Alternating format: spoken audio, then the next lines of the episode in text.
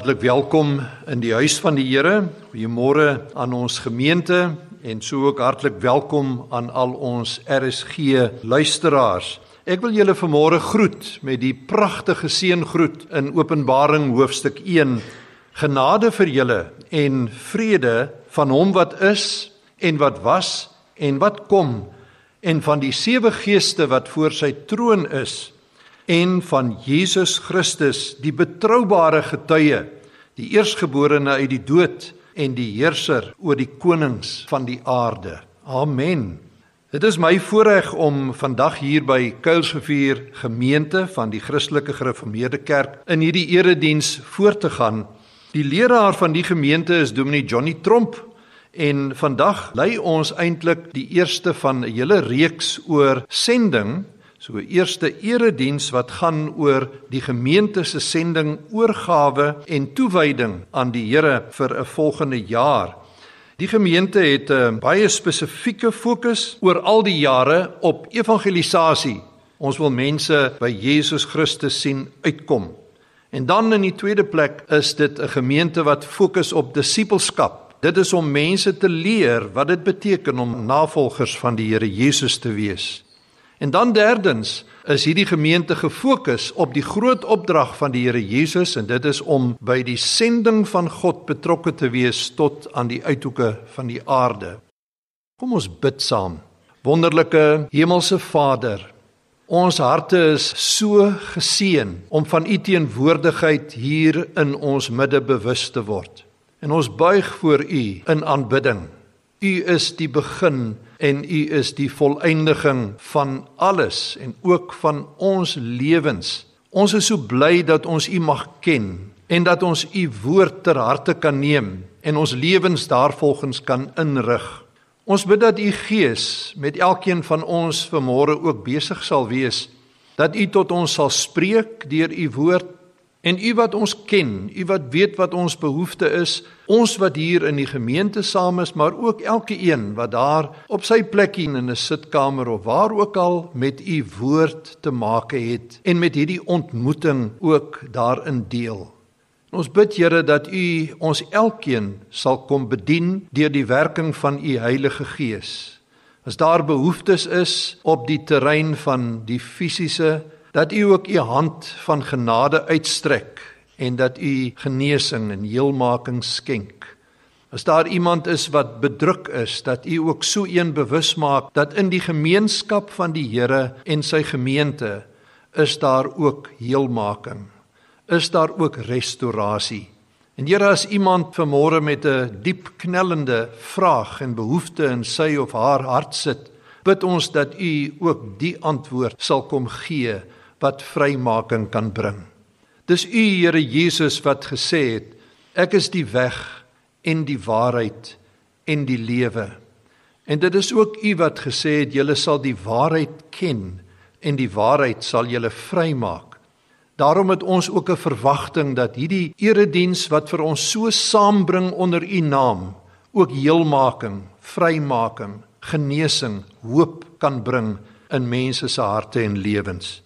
Ons open ons harte en ons gedagtes om te hoor wat U vir ons wil sê in Jesus se naam. Amen. Dis ons vreugde om ook die Here deur ons sang te bedien. So ons eer hom ook met ons lofsang.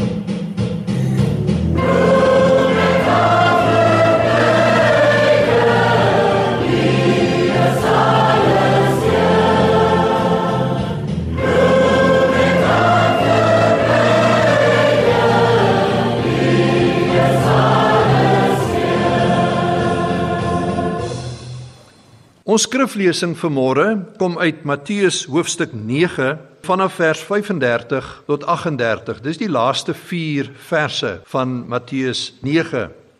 Jesus het in al die stede en dorpies rondgegaan. In hulle sinagoges geleer, die evangelie van die koninkryk verkondig en elke siekte en elke kwaal genees. Toe hy die skare sien, het hy hulle innig jammer gekry omdat hulle verward en verstrooi was so skape sonder 'n herder. Toe sê hy vir sy disippels: Die oes is groot, maar die arbeiders min. Bid daarom die Here van die oes dat hy arbeiders uitstuur om sy oes in te samel. Arbeiders uitstuur om sy oes in te samel. Liewe vriende, liewe broers en susters, hierdie laaste 4 verse in Matteus 9 is eintlik diep roerend want jy sien die Here Jesus voor 'n klomp mense staan en dan gebeur daar dinge in sy lewe en dit kom tot uiting vir die wat rondom hom staan. Matteus het sopas vir ons oor die vorige 2 hoofstukke, die hele hoofstuk 8 en die hele hoofstuk 9 die vol en bedrywige lewe van die Here Jesus gewys. Hoe dat hy besig was om mense te hulp te kom. Hy het baie genesingswonders vir mense gedoen. Hy het mense van bose geeste bevry. Daar is die vertelling van 'n dogtertjie wat gesterf het en hoe die Here Jesus na haar toe gebring is en haar uit die dood opgewek het. Hoe dat blindes na hom gekom het en stommes en hy hulle aangeraak en genees het. En dan is dit so treffend dat eintlik bring Matteus so 'n opsomming van dit alles in vers 35. Hy sê Jesus het al die dorpe en klein plekkies besoek. Dis nou so 'n opsomming van wat presies beskrywe is in die vorige 2 hoofstukke. Hy sê hy het die mense in hulle sinagoges geleer, die evangelie van die koninkryk verkondig en elke soort siekte en kwaal gesond gemaak. Dis die opsommende woord. Maar weet julle dan beskryf Matteus dit wat hy in Jesus raak sien. Dis asof ons toegelaat word om deur die oë van Matteus die Here te sien. Matteus se meester te sien. En dis asof Matteus vir ons sê hy sien die binnekant van die Here Jesus raak terwyl hy hier voor hierdie skare van mense met hulle behoeftes en met hulle nood staan, sien hy iets van die binnekant van die Here Jesus raak. Deur Matteus se oë is dit eintlik vir jou en vir my amper moontlik om te sien hoe Jesus se gesig verander wanneer hy voor hierdie skare van mense staan. Hoe Jesus se oë geraak word en hoe hy anders kyk as hy hier sê dat hy het innig jammer vir hulle gevoel, 'n diep deernis beleef, dan kan jy dink dat daar in sy oë seker iets van dit opgemerk kon word. Maar sy hele liggaamshouding is eintlik sprekend dat hier is 'n baie besondere moment wat hulle beleef. Matteus as 'n disipel van die Here sien 'n diepe deernis by die meester. Die ander wat by hom was, Ek praat van die ander disippels. Hulle het sekerlik dit ook gesien. Interessant dat Markus wat die ander evangelie geskryf het en Markus was waarskynlik 'n jong man wat baie dikwels saam met die disippels en met Jesus geloop het, dat Markus in sy evangelie gebruik hy presies dieselfde woorde. Hy sê hy het innig jammer vir hulle gevoel. Hy het hulle gesien so skape sonder 'n herder. Presies dieselfde woorde as Matteus. So Jesus sien die nood. Hy sien die verlorenheid van mense. Hy sien hulle aankom uit alle oorde. Dis 'n skare mense wat op pad is na Jesus toe. Hulle is moeg en soekend. Sommige van hulle dra siekes aan, want hulle het nou al gehoor die berigte het oral uitgegaan wat Jesus vir siekes gedoen het, wonderwerke wat plaasgevind het. En so bring hulle siekes na Jesus toe. Maar party van hulle dra nie siekes nie want hulle is self siek en behoeftig. Hulle is self seer en in nood. Vir my so betekenisvol dat Matteus twee woorde gebruik om dit te beskryf. In die vertaling wat ons gelees het, dis die 2020 vertaling, sê dit hulle is verward en verstrooid. Julle opgelet is twee keer wat die woord begin met v. Hulle is verward en hulle is verstrooid. En ek het in die verskillende vertalings gaan kyk en elke keer vind jy 'n beskrywing van hierdie toestand waarin hierdie mense hulle bevind het. Hoe gaan kyk ek wat die oorspronklike Grieks sê oor dit en die interessante ding is dat daar word twee woorde gebruik. Luister nou mooi. Al twee die woorde in die Grieks begin met dieselfde letter. Dis die letter epsilon in Grieks.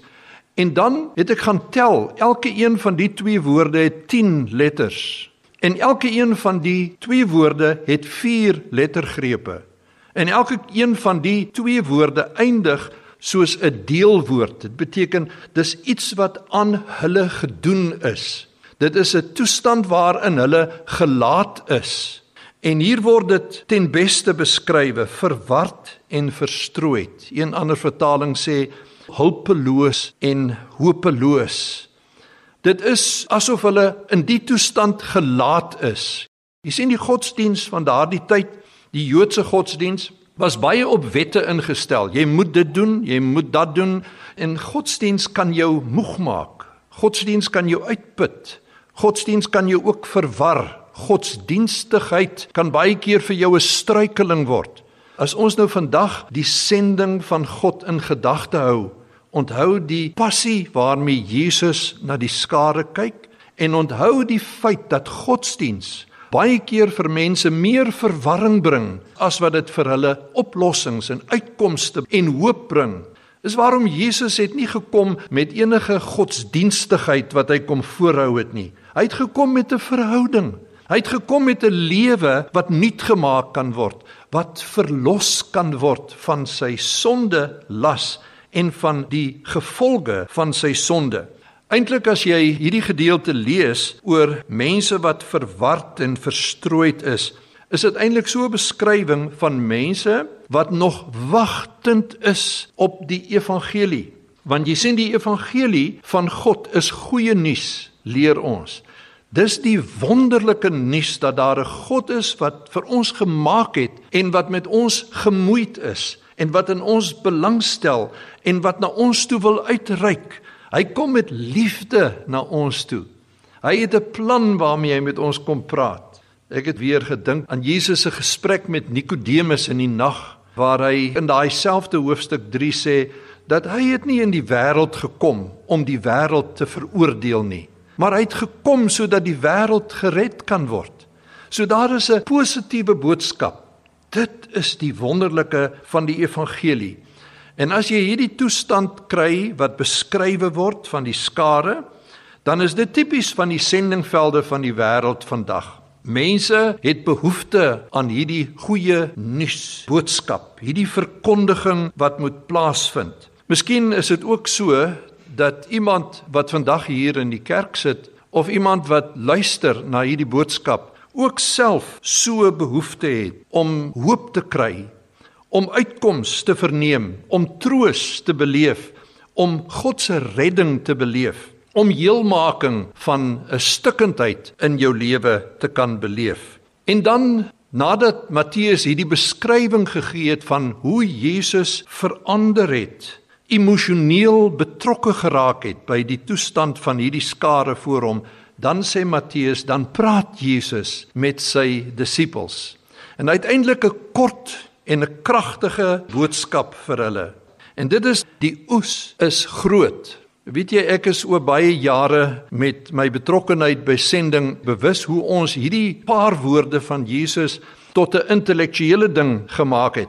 So ons noem statistieke al die inligting van hoeveel mense nog steeds nie gehoor het nie. Hoeveel mense is daar in die wêreld wat nog steeds wag vir die evangelie om te kom? So ons maak dit 'n intellektuele ding. Maar as Matteus sê hy was met 'n deernis gevul terwyl hy na die mense kyk en hy trek as dit ware sy disippels nader en hy sê vir hulle die oes is groot het jy agtergekom hy verander as dit ware die tema. Hy praat nie net van 'n skare of van mense nie, hy praat van 'n oes wat groot is.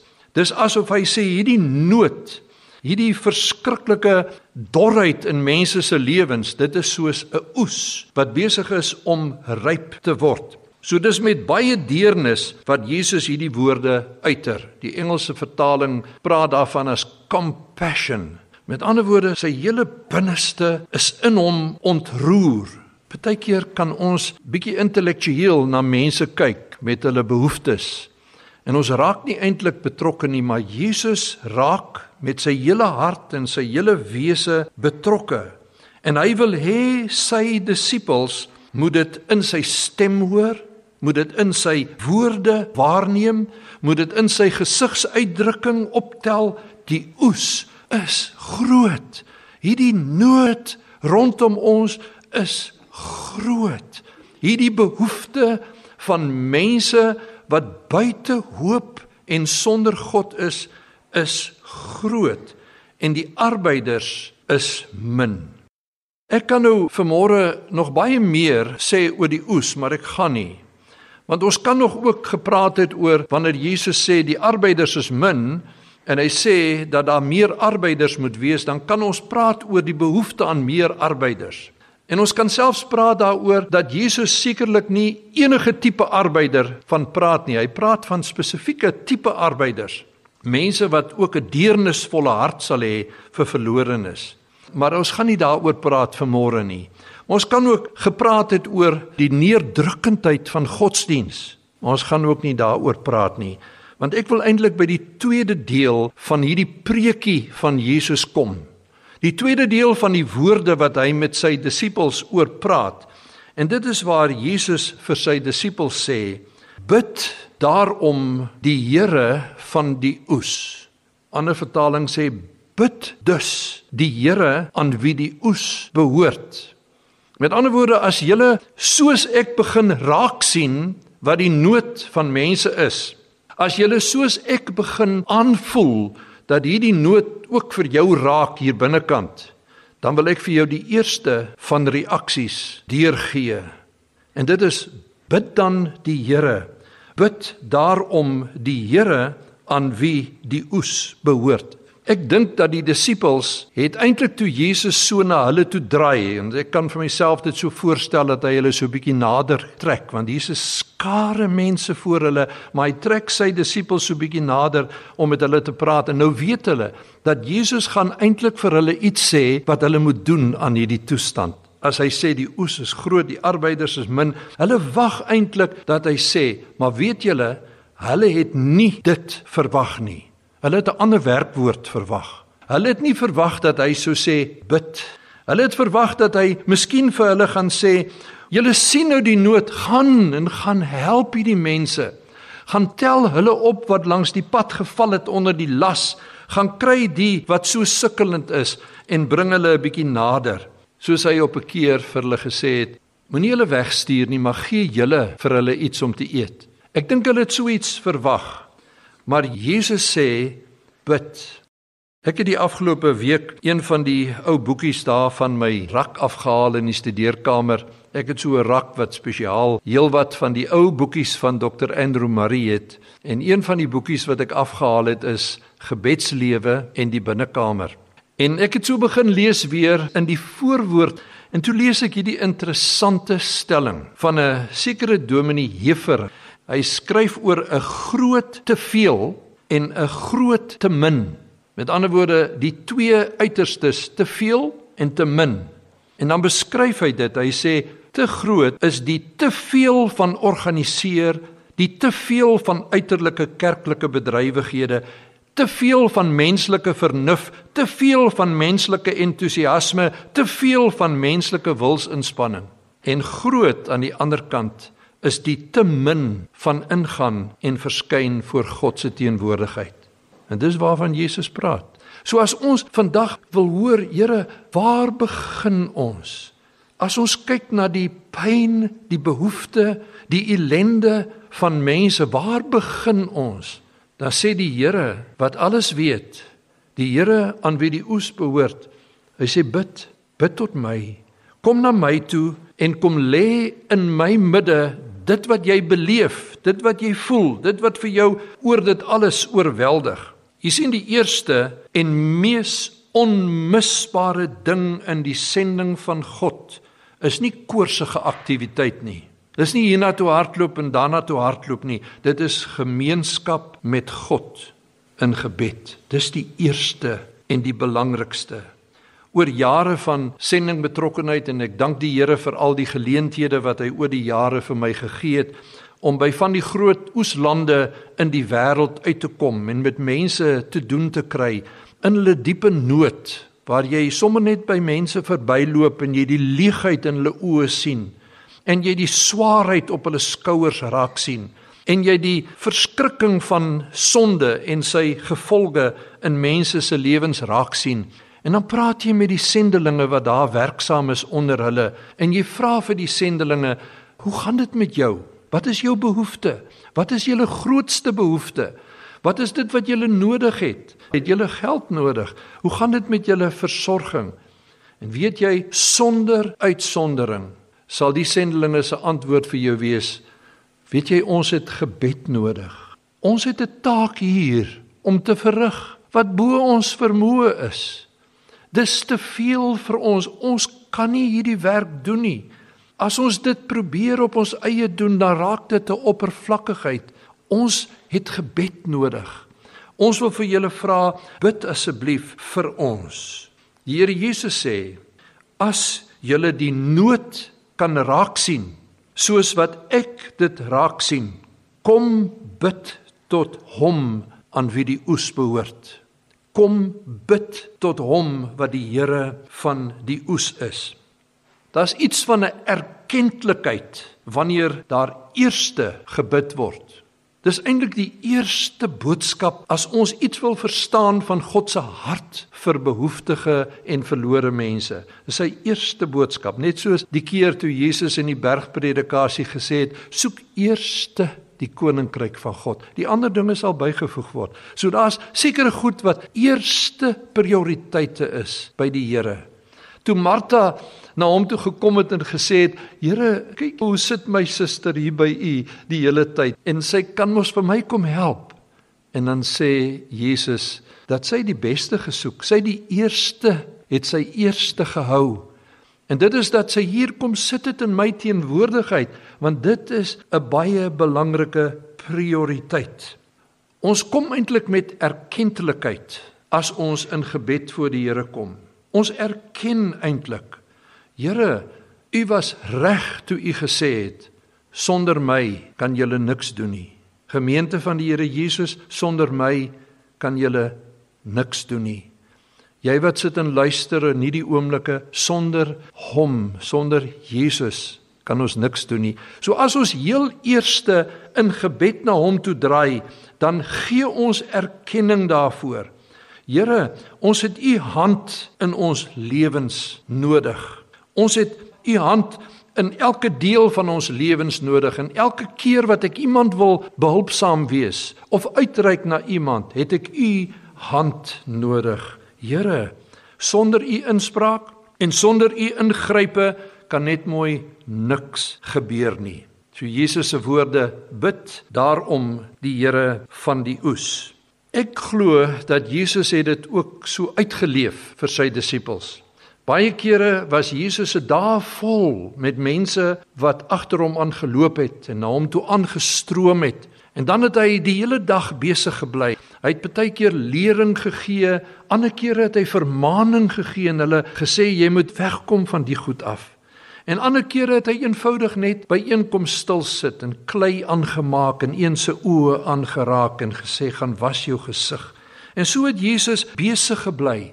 En weet julle elke keer tussen al die besigheid en bedrywig wees, dan kom dit aan die einde van die dag en dan sal ons lees en sy disippels het elkeen na hulle huise toe gegaan, maar Jesus het teen die Olyfberg opgegaan. Of Jesus het in afsondering gegaan om met sy Vader te gaan praat. Hy het tyd gaan neem om hulle wat hy mee besig was voor die troon van Vader te kom lê. Ek het so gedink daaraan.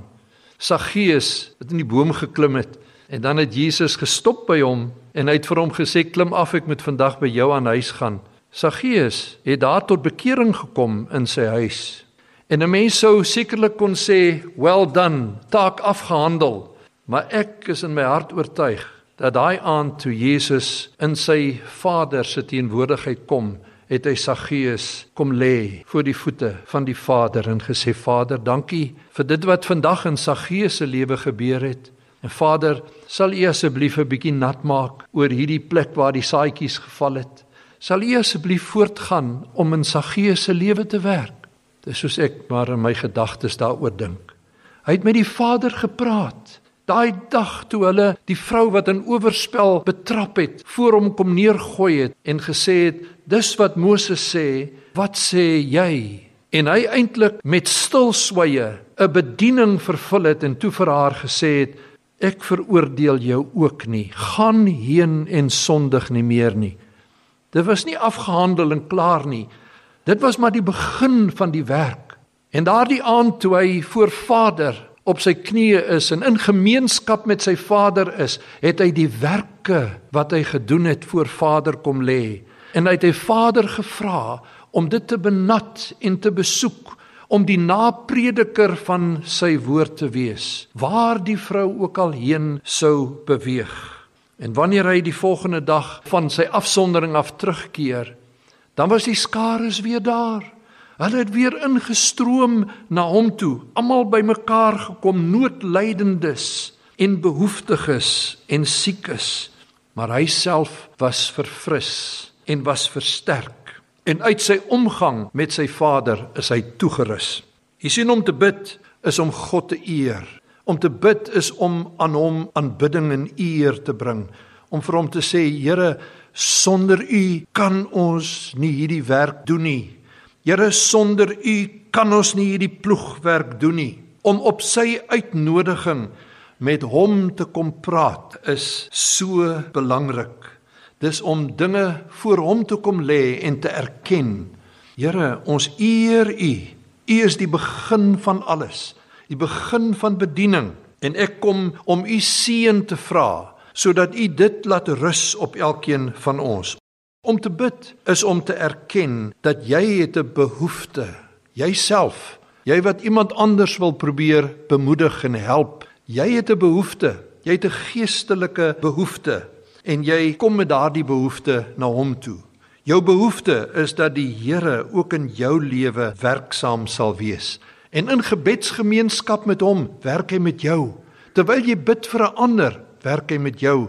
Terwyl jy bid oor 'n oesland van die wêreld wat dor en droog en behoeftig is, werk die Here in jou diepste behoefte. Ek het die voorreg so van tyd tot tyd om op 'n plaaslike gemeenskapsradio 'n ou boodskapie te bring en sonder uitsondering is daar reaksie op die woord soos dit uitklink dan sal daar iemand wees wat bel of miskien iemand wat net 'n ou teksboodskapie deurstuur en gewoonlik is die versoek wat na jou toe kom bid asseblief vir my of bid asseblief saam met my. Bid vir my kind. Bid vir my huwelik. Bid vir my huisgesin. Bid vir my seun wat in dwelms of tussen die bendes verval het. Bid asseblief. Wat ek gewoonlik antwoord wanneer ek so 'n versoek kry is bid jy daar waar jy is en ek sal hier bid. Want jy sien baie keer is hierdie omstandighede, hierdie slegte omstandighede wat jy beleef, of dit nou by jou eie familie is of in jou eie lewe, die slegte omstandighede is dikwels die kerkklok wat die Here lui in jou lewe. En hy wil jou roep dat jy by hom moet kom kniel, by hom moet kom tyd afsonder. Kom bid. Kom praat met my daaroor. So ek wil vanmôre vir jou wat luister sê, as daar 'n ryp oes voor jou is. Miskien is dit 'n ryp oes in jou eie huisgesin. Dat jy bewus is hier is 'n kind wat nodig het om deur te kom met die Here. Miskien is jy bewus van iemand wat baie naby aan jou is en dit is 'n mens wat swaar kry. Soos Jesus hierdie bondel mense voor hom gesien het en besef het hoe swaar hulle kry onder die laste van sonde. Dan wil ek vir jou nooi kom bid die Here van die oes. Die Here wat 'n diep deernis vir mense het, mense wat deur sonde plat gedruk word. Jy sien die wêreld veroordeel ons vanweë ons sonde. Maar die Here Jesus het deernis vir mense te midde van hulle sonde. Hierdie een wat innig jammer vir hulle voel, kom bid en kom praat met hom oor hulle. Ek het as 'n jong man, 20 jaar oud, die Here Jesus as my verlosser aangeneem, maar ek was die eerste in ons hele familie. Maar ek het 'n las gehad vir my hele familie. My pa was 'n man wat longkanker onderlede gehad het en ek het geweet hy was eintlik terminaal, maar hy ken nie die Here nie. En ek het begin bid vir hulle En hoe meer ek gebid het vir my broers en vir my susters en vir my pa, hoe meer het die Here in my lewe gewerk. En het hy my verander, het hy my geheilig, het hy my lewe verdiep, het hy my meer bewus gemaak van die mooiheid van die evangelie. Totdat ek een aand teruggekom het by die huis as jong man en my pa in die bed gevind het en toe roep hy my en hy sê, "Wil jy nie vir my kom lees nie?" En ek het by hom kom sit en Bybel gelees, 'n ou gedeeltjie wat vir my tot seën was die dag. En toe het ek en hy gepraat en hy het sy hart uitgestort voor my en oor sy sonde en oor sy behoeftes gepraat. En ons het gepraat diep in die nag in.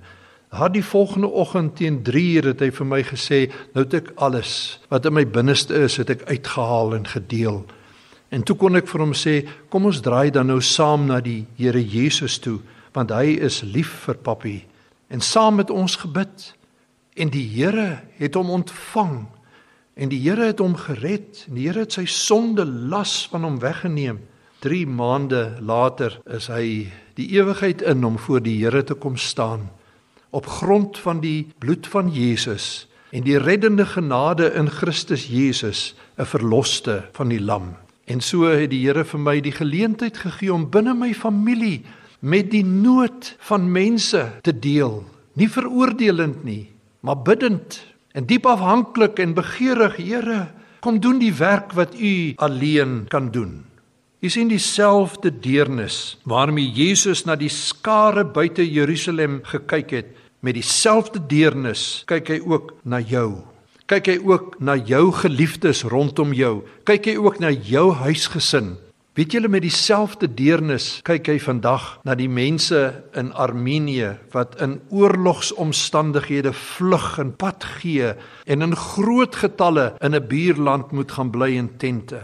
Op dieselfde wyse met deernis in sy hart kyk hy oor die mense in die Oekraïne wat nou al vir 2 jaar in 'n oorlog gewikkel is en die ontploffings wat net aanhoudend kom met baie deernis in sy binneste kyk hy oor die plekke waar mense deur vloede en oorstromings getuister word. En dan besef jy weet jy dat die Here oor hierdie skare kyk en dat hy 'n deernis in sy binneste vir hulle het? Besef jy hoe innige jammerte die Here oor mense het? En so kyk hy na jou ook vandag en na my en ons familielede Miskien hulle wat ongered is en wat sonder hoop en sonder God is, maar net so ook na jou wat platgedruk is deur omstandighede. Hy sien jou raak en die raad wat ons Here Jesus gee is bid tot die Here aan wie hierdie verwardes en verstrooides behoort. Bid tot hom wat kan raak sien hoe jy wat soos 'n skaap sonder herder geraak het weer by die herder kan uitkom bid dat hy iemand oprig. Miskien iemand wat hoop kan bring na jou huis toe. Miskien iemand wat volgens Jakobus 5 vir jou hande oplê en vir jou bid vir genesing. Bid die Here dat hy werkers, arbeiders sal uitstuur vanuit sy troon. So wie is daar wat vanmôre in jou gedagtes opkom? Buiten miskien jou eie persoonlike behoeftes, is daar iemand wat op jou hart rus, iemand vir wie jy omgee? Iemand vir wie jy 'n innige meegevoel en deernis het. Miskien 'n kind wat in die greep van dwelms is en jy wil dit na die Here toe bring. Kan ons dit nou doen? Miskien is dit 'n moeder vir wie jy lief is, maar wat nie regtig die Here ken nie. Wil jy bid vir so een? Dis wat ek jou wil nooi om te doen. Dis waar dit alles begin. Dis die eerste van die eerstes. Moenie koorsagtig rondhardloop nie maar draai jou hoof na hom toe. Buig jou knieë voor die Here. Lê jou nood en jou behoeftes voor hom. Bid die Here aan wie hierdie oes behoort. dat hy arbeiders in sy oes sal uitstuur sodat die goeie nuus kan weer klank vind in harte en lewens. Kom ons bid saam. Here baie dankie vir u woord. Hoe begeerig is ons dat hierdie woord diep in ons harte sy vrug sal dra, sy effek sal hê. Here, hoe begeer ons dat niemand wat binne die klank van u woord vandag is, maar net sal voel ek moet hierdie las alleen sukkel dra nie. U sê, kom bid, kom roep my aan in die dag van benoudheid en ek sal jou uitred en jy moet my eer. Dankie dat ons dit vandag kan doen. Ons noem hierdie dierbares nou voor u Ons noem hierdie mense vir wie ons sorg dra nou in gebed voor U Here. U wat liefde openbaar in U omgang met ons en in U woorde tot ons spreek lewe in harte wat nou voor U in gebed buig. Ons vra dit in Jesus se naam. Amen.